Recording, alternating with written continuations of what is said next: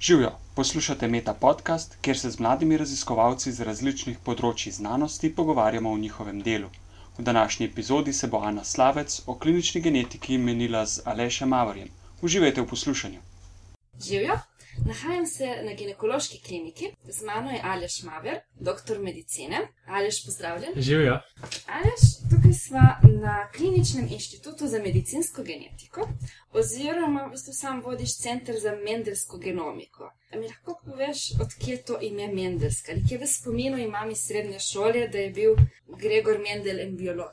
Ja, prav se spomniš. Um, v bistvu Gregor Mendel je bil tisti biolog, ki ga vsi poznamo nekakšne srednje šole in se je ukvarjal z, s tem, kako se dedujejo um, fenotipske oziroma lastnosti graha. Gotovo se vsi tega um, tudi poslušalci mogoče spomnijo. V bistvu, kar pa Mendelsko pomeni, pomeni pa, da se neka stvar deduje v zapisu, tako da se da slediti temu dedovanju oziroma da, da zaradi neke specifične spremembe, neke točno določene spremembe v genu. Uh, se nekaj pokaže tudi, uh, recimo na fenotipu ali pa na, ko, lahko se kaže kot Fenotipu? V bistvu, ko rečem fenotip, to, to imamo uh, genetiki krt kože kot uh, vsakodnevni, vsakodnevni besednjak. Ko rečem fenotip, mislim nekaj, kar se pokaže, lahko barva las je fenotip, lahko je barva oči fenotip. Tako da, ko rečem mendelsko, pomislim na to, kar se deduje dejansko. In stvari se lahko dedujejo na zelo različne načine. To pa, da smo mi, de, da smo mi center za mendelsko genomiko, uh, pa pomeni predvsem to, da se ukvarjamo z genetskimi boleznimi, se pravi z dednimi boleznimi, ki se dedujejo oziroma ki se lahko dedujejo. Ne? Katere pa so recimo te bolezni? se Uh? Uh, teh bolezni je danes poznamo gotovo že prek nekaj tisoč. Uh, v resnici, glede na zadnje statistike, uh, je teh bolezni vsaj 3 do 5 tisoč znanih. In zelo zanimivo je, da za kar dobršen delež, mogoče za več kot 30% teh bolezni še ne poznamo, niti kje točno se zgodi okvara in zakaj se dedujejo. Recimo, gotovo se spomniš uh, iz srednje šole, take so recimo cistična fibroza, um, je ena pljučna bolezen, ki je ena najpogostejših dednih bolezni. V tvojih člankih sem zasledila, da se okvarjaš za sarkoidozo, pa s Parkinsonovo boleznijo. Ja, v bistvu se ukvarjamo, v bistvu se ukvarjamo s sarko- s sarkoidozo, sem se ukvarjal nekako na začetku svoje poti, ampak sarkoidoza je ena posebna bolezen, uh, ki je tudi pljučna bolezen, ni pa isto kot cistična fibroza. Sarkoidoza je ena izmed tistih bolezni, za katere še ne vemo točno, kje se deduje, pa kako se deduje. In s sarkoidozo sem se ukvarjal zato, da bi našel to, kje se ukvarje dogaja, oziroma zakaj pride do sarkoidoze. To sem čisto na začetku, ko sem se začel ukvarjati z genetiko, um, se začel ukvarjati s sarkoidozo, je pa tudi ena pljučna bolezen, kot tudi uh, je neke vrste avtoimunska bolezen, se pravi, tvoj lasten imunski sistem napade tvoje pljuča in se, uh, in se pokaže predvsem s tem, s tem, da imaš težave z dihali in tako. In v bistvu smo se ukvarjali um, s tem, da bi iz nekih kandidatnih genov, ki smo mislili, da bi mogoče bile neke spremembe v njih povezane s sarkoidozo, smo poskušali v bistvu najti oziroma iskati te dejavnike tveganja tam oziroma te spremembe, ki bi lahko pripeljali do sarkoidoze. Ja. Govoriva o genetiki. Če bi lahko nam, recimo, za- zame in za poslušalce malo razložil, kakšna je sploh razlika med genom in genomom. Ja, um, no, tukaj, zelo, tukaj zelo rad uporabljam to primerjavo, ker včasih tudi si po, pomagajo, oziroma pomagamo, ko govorimo z bolniki ali pa eh, z našimi pacijenti. In sicer v bistvu jaz si najlažje predstavljam naš genom kot eno veliko enciklopedijo. Če si predstavljate, včasih so bile še te enciklopedije v obliki knjig, kjer si imel vsako črko eh, od A do Ž, si imel uh, geslo opisano v vsaki, recimo, knjigi. In naš genom je tudi ena taka enciklopedija. Um, in uh, gotovo tudi uh, poslušalci, pa gotovo si že slišala za um, izraz kromosom. Ja. Um, in to je v bistvu, si lahko predstavljamo, če je genom ta enciklopedija, je kromosom vsaka knjiga. In ko odpreš, vidiš črke, vidiš In genet. imamo pa torej vsak od nas ima, če se prav spomnim, 23 kromosomov. Tako je, vsak To od nas. 23 knjig. V bistvu vsak od nas dobi 23 kromosomov. In uh, sicer zanimivo je pa to, da vsak od nas dobi 23 kromosomov od enega starša, pa 23 kromosomov od drugega starša. Se pravi, 23 kromosomov od mame, pa 23 kromosomov od očeta. Tako da v bistvu ta naša enciklopedija jo ima vsak od nas v dveh kopijah. se Dve polici. Dve policije, ja, tako, tako bi lahko rekli. potem včasih vzamemo knjigo z očetove police, včasih z mamine. Točno tako. V bistvu tudi naše celice včasih, k, včasih so neselektivne in včasih preberejo nek zapis uh, gena, kako deluje iz očetove strani, včasih pa tistega z mamine strani. Tako da Pa v tej primerjavi, kje pa potem gen nastopi? Je to neka beseda, črka? Okay, ja, lahko, lahko, lahko zdaj greva do te naše police s knjigami in vzamemo eno knjigo dol in ta ena uh, iz police in ta ena knjiga je en kromosom.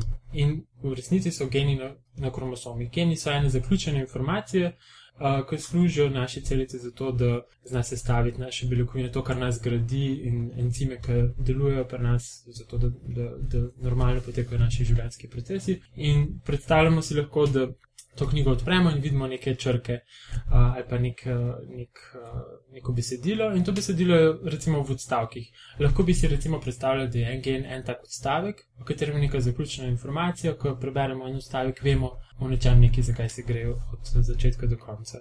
In potem vsak kromosom ima kar veliko število genov um, in lahko si predstavljamo, da je vsak odstavek en tak gen. Ja, tako.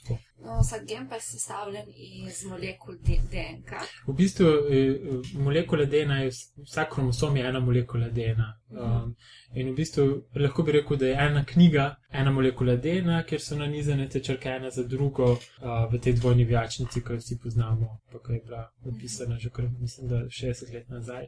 Um, Kakšne so pa v bistvu, če bi, ne vem, podala ne te svoje knjige, pa tvoje, kakšne bi bile recimo razlike med, najni, med knjigami? Ja, marsikdo je presenečen, v bistvu, kako zelo se ljudje razlikujemo po našem zapisu. To ni neka enciklopedija, ki bi vsak imel kar enako. Um, v resnici, če bi mojo enciklopedijo prebrala, zdaj pa tvojo enciklopedijo prebrala, bi ugotovila, da na vsaki tisoči črki je neka sprememba. Ampak oba sva zdrava in oba sva v redu, nimava neke bolezni, sicer sva na videz drugačna in v resnici te razlike nas delajo drugačne. Na, vsake, na vsakih recimo tisoč črk, a v resnici, ko preberemo, najdemo te razlike in to je tisto, kar dela različnost. Torej, če beremo gene, ugotovimo, da dejansko nismo tako unikatni in posebni, kot si mislimo. Ja, v resnici, v resnici se res ujemamo v 99,9% zapisa, ampak po drugi strani smo pa tudi, uh, smo še vedno različni. Bistvu, tako da potem, ko te podatke analizirate, v bistvu, kar vas zanima, kar iščete, so dejansko razlike med temi zapisi. Točno tako. Uh, v resnici že, že okrog deset let poznamo um, nek, kako bi rekel, nek um, temeljni zapis človekovega genoma, ko so ga prvič posekvencirali. Um, in zdaj to uporabljamo kot neko referenčno enciklopedijo, in potem vsako enciklopedijo, um, vsakega posameznika, ko preberemo uh, zapis, primerjamo s to referenčno enciklopedijo. In nas res zanimajo ne toliko uh, celoten zapis, ampak res tam, kjer so te razlike. Najbolj nas zanima ta raznolikost, um, bodi si, če je povezana z nekimi razlikami med posamezniki, ali pa še posebej, če je povezana z boleznimi pri človeku, ne? Um, pri naših pacijentih. Tako da razlike so tisto, kar. Je pa to, mm, v bistvu, kot vem, zelo mlada znanost.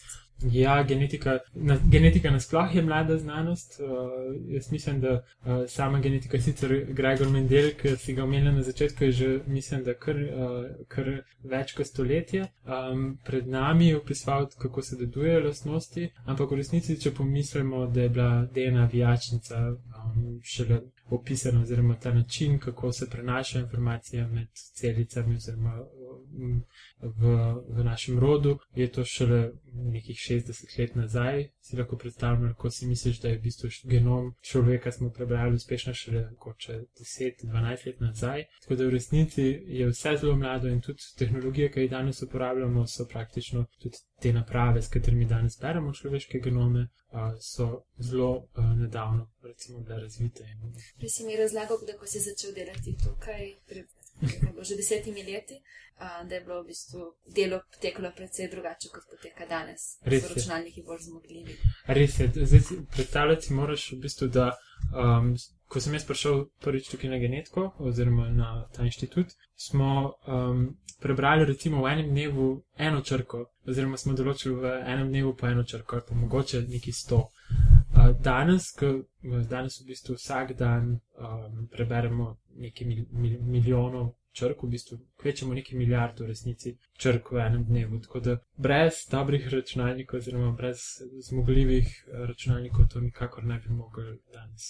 Še vedno pa gre relativno počasi, koliko recimo lahko naredite diagnoz v enem letu. Je, recimo eh, na našem inštitutu, s to, s to metodo, ki smo jo pred kratkim, oziroma pred nekaj več kot letom, uvedli v rutinsko diagnostiko, naredimo okrog 400 do 500 preiskav in to so preiskave, kjer res preberemo praktično vse gene v človeškem zapisu, sploh tiste, ki so povezani z boleznimi. Um, in ta preiskava je kar zahtevna. V bistvu, če si predstavljaš, v bistvu že um, laboratorijske priprave so kar kompleksne, um, potem tukaj moramo še všteti, da to branje. Ko je že vse pripravljeno, upravimo nekaj, če mu rečemo sekvenciranje, kar pomeni, da beremo koščke DNA in že to tudi traja nekaj časa, ampak danes je še čist nov element tukaj prišel um, uh, na prizorišče in sicer to, da moramo še potem bioinformatske obdelave uh, ušteti, zato ker ko procesiraš neki gigabajt podatkov, pa si lahko predstavljate, koliko je to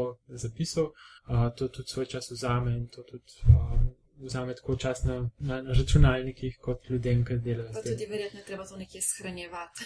tako da treba shranjevati, trenutno imamo že kar ogromno teh podatkov. Um, in če za res, uh, ja, brez kakšnih strežnikov, dejansko to na svojem osebnem računalniku že res težko danes. Uh, Kdo so pa te, veste, pacijenti, ki, um, ki, od katerih dobite te podatke, ki jih diagnosticirate? Uh, glede na to, da smo na ginekološki kliniki, sem se sprašvala, da so to pač verjetno, vem, nosečnice, ki pridejo na pregled ali. Um, večinoma v resnici se ukvarjamo z boleznimi skoraj vseh področji.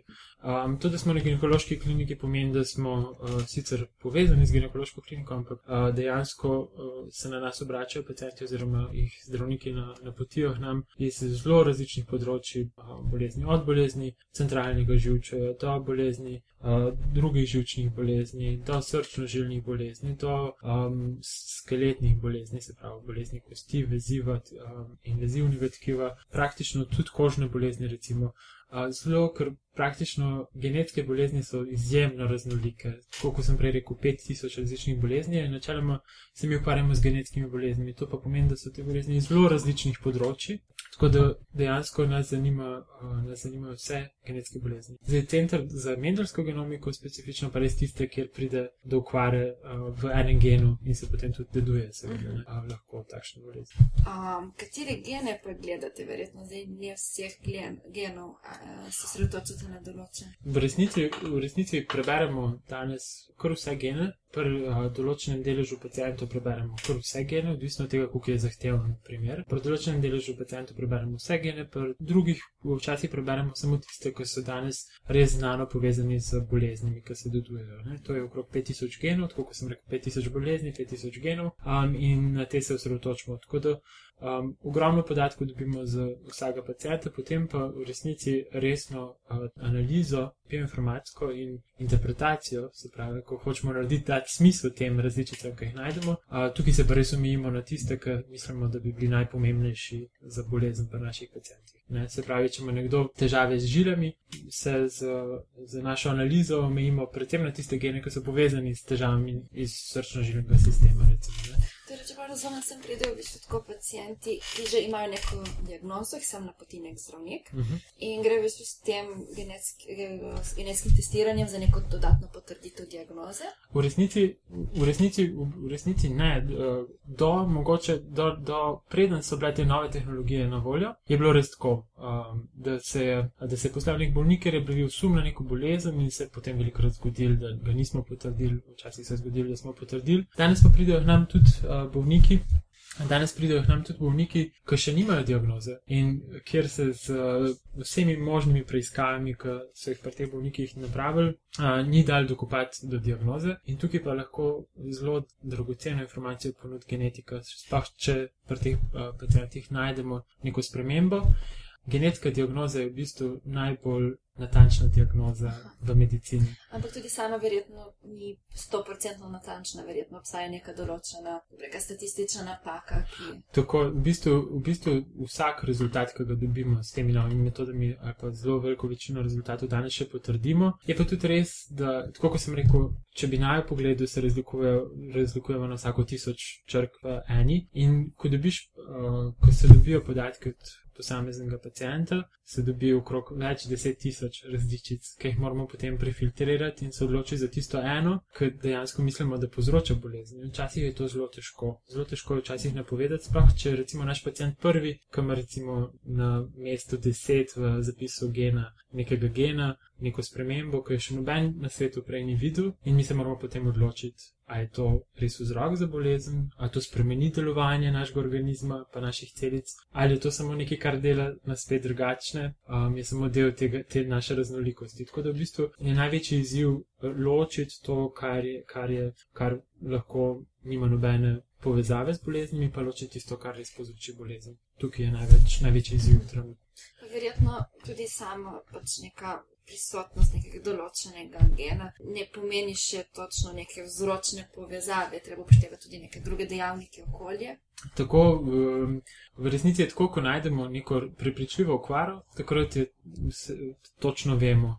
Um, bo večina uh, posameznikov, ki bo imela to okvaro, če je visoko patogena, mi rečemo temu, če je visoko škodljiva, če je zelo škodljiva na okvara in je bila že večkrat opisana in zelo dobro poznamo, kaj povzroči. V takih primerjih smo kar prepričani. Um, obstaja pa kar nekaj primerov, pri katerih, kljub temu, da preverimo vse gene, še vedno ne najdemo vzroka. V tistih primerjih rečemo, mogoče um, kaj v teh uh, zaporedih, ki jih danes še ne razumemo, dost med geni. Se pravi, med odstavki je še kar velik zaporedje človeškega genoma, ko se še, k, k, še zelo malo trenutno poznamo o tem, kaj, kaj, kako delujejo, kaj pomenijo in naše spremembe se lahko skrivajo, lahko se te vzročne spremembe skrivajo tam. Seveda pa je možno spet, da pri nekaterih primerjih tudi okolje prispeva svoje. Tako da uh, včasih še vedno ne prijemo do dna, tudi uh, če pogledamo zapis celotnega nabora genov.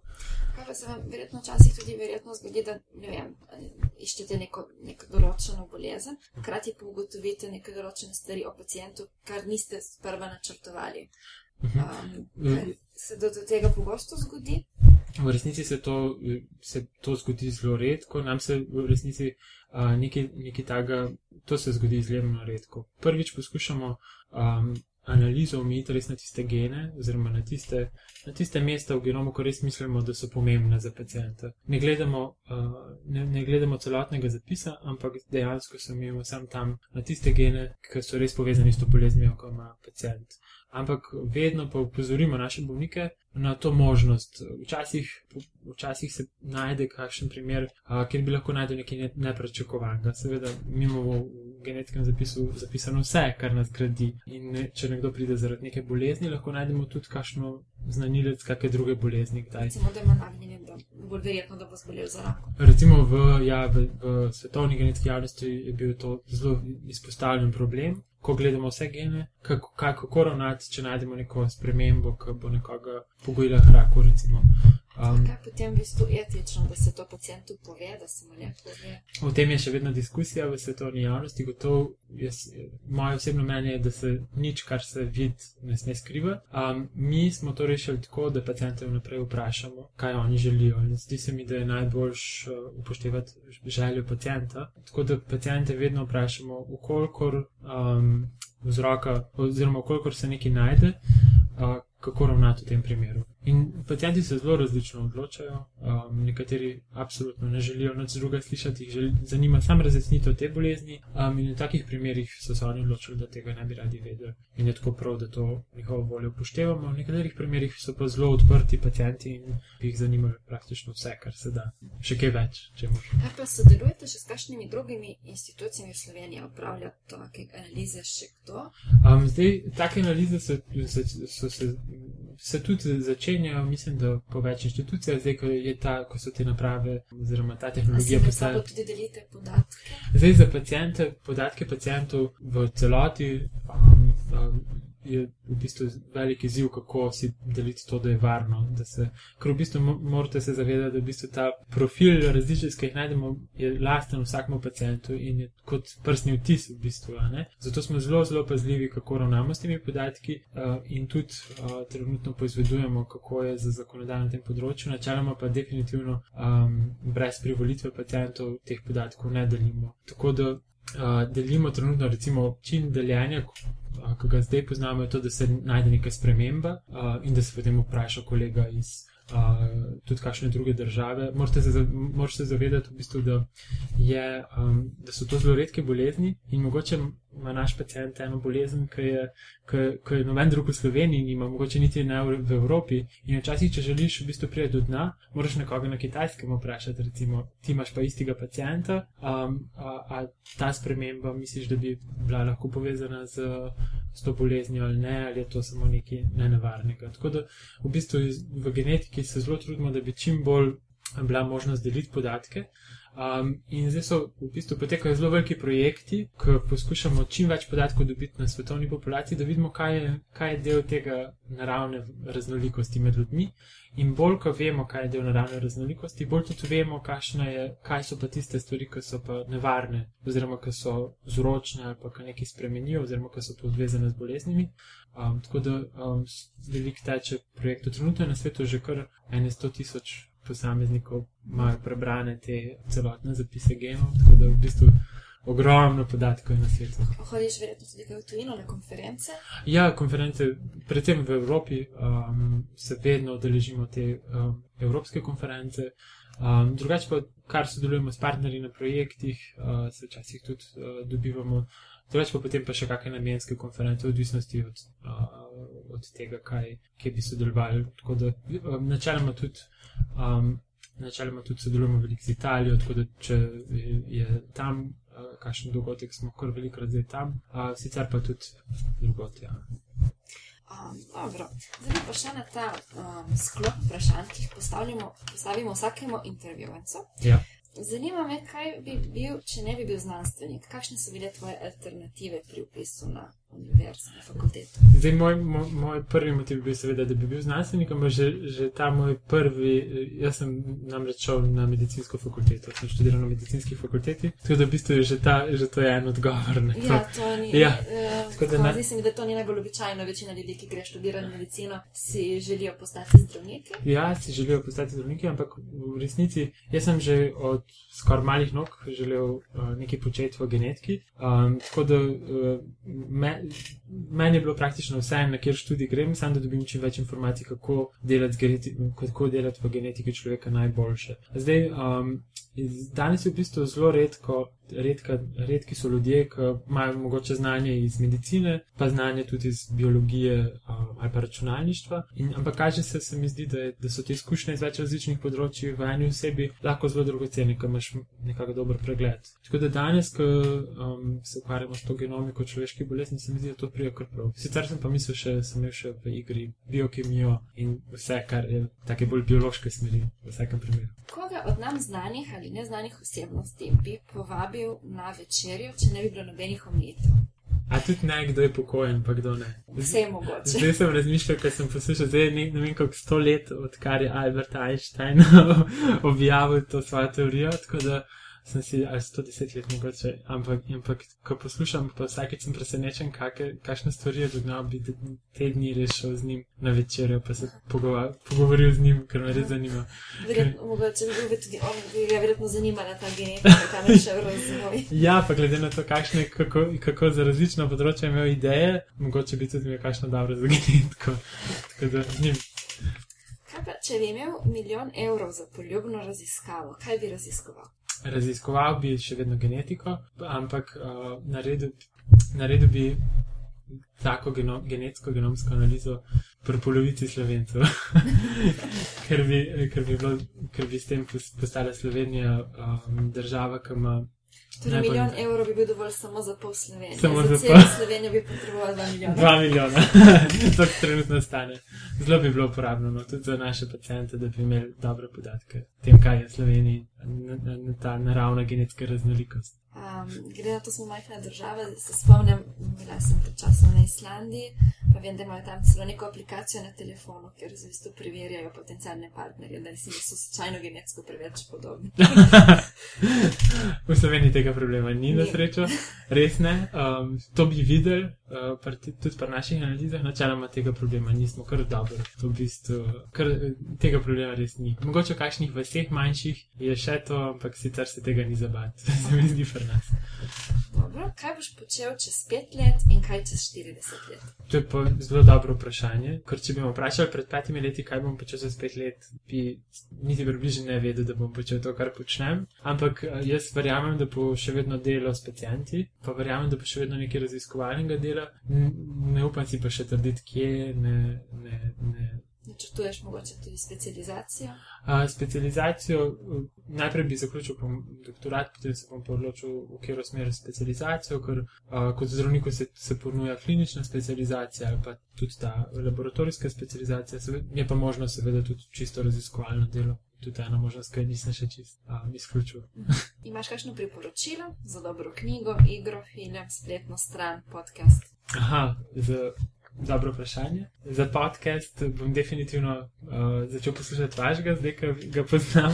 Zdaj sicer poslušam um, Big Picture Science, ki je zelo, zelo zanimiv podcast, uh, ki ga pripravlja na setiju, um, ampak se definitivno ne ukvarja samo z, vesol, z vesoljem, ampak zelo velik, zelo zanimiv, zelo lepo pripravljen podcast. Tako da to bi bil moj predlog. Uh, za, za to, za filme znam trenutno povedati samo te znanstveno-fantastične iz zadnjih let. Recimo Interstellar sem zadnjič si pogledal, pa mi je bil zelo všeč. Moram reči, zdaj moram še pogledati tega Martian. Uh, Mars. Ja, to je kar nov. Kaj kar nov, ja.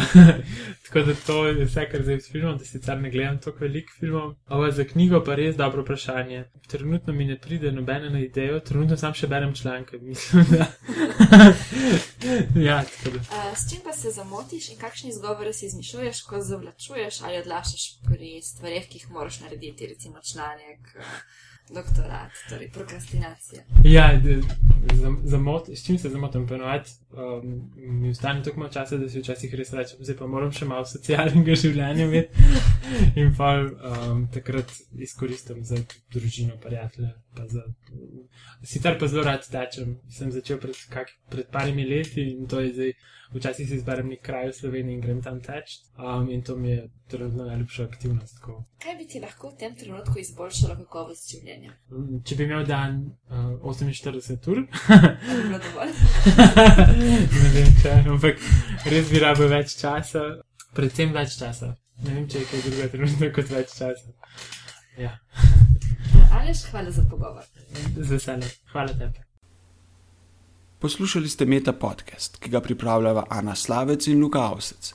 Pogovarjava se z doktorskimi študenti in študentkami pred zaključkom doktorata z različnih področji znanosti.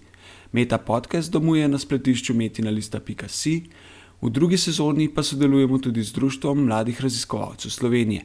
Pohvale, pripombe, pa tudi predloge za bodoče goste nam lahko posredujete na znanost afnametinalista.si, lahko nas poiščete na Facebook profilu Metine liste ali pa na Twitterju, kjer čivkava kot @aslavec in @inlife. Naslednja epizoda v četrtek čez 14 dni.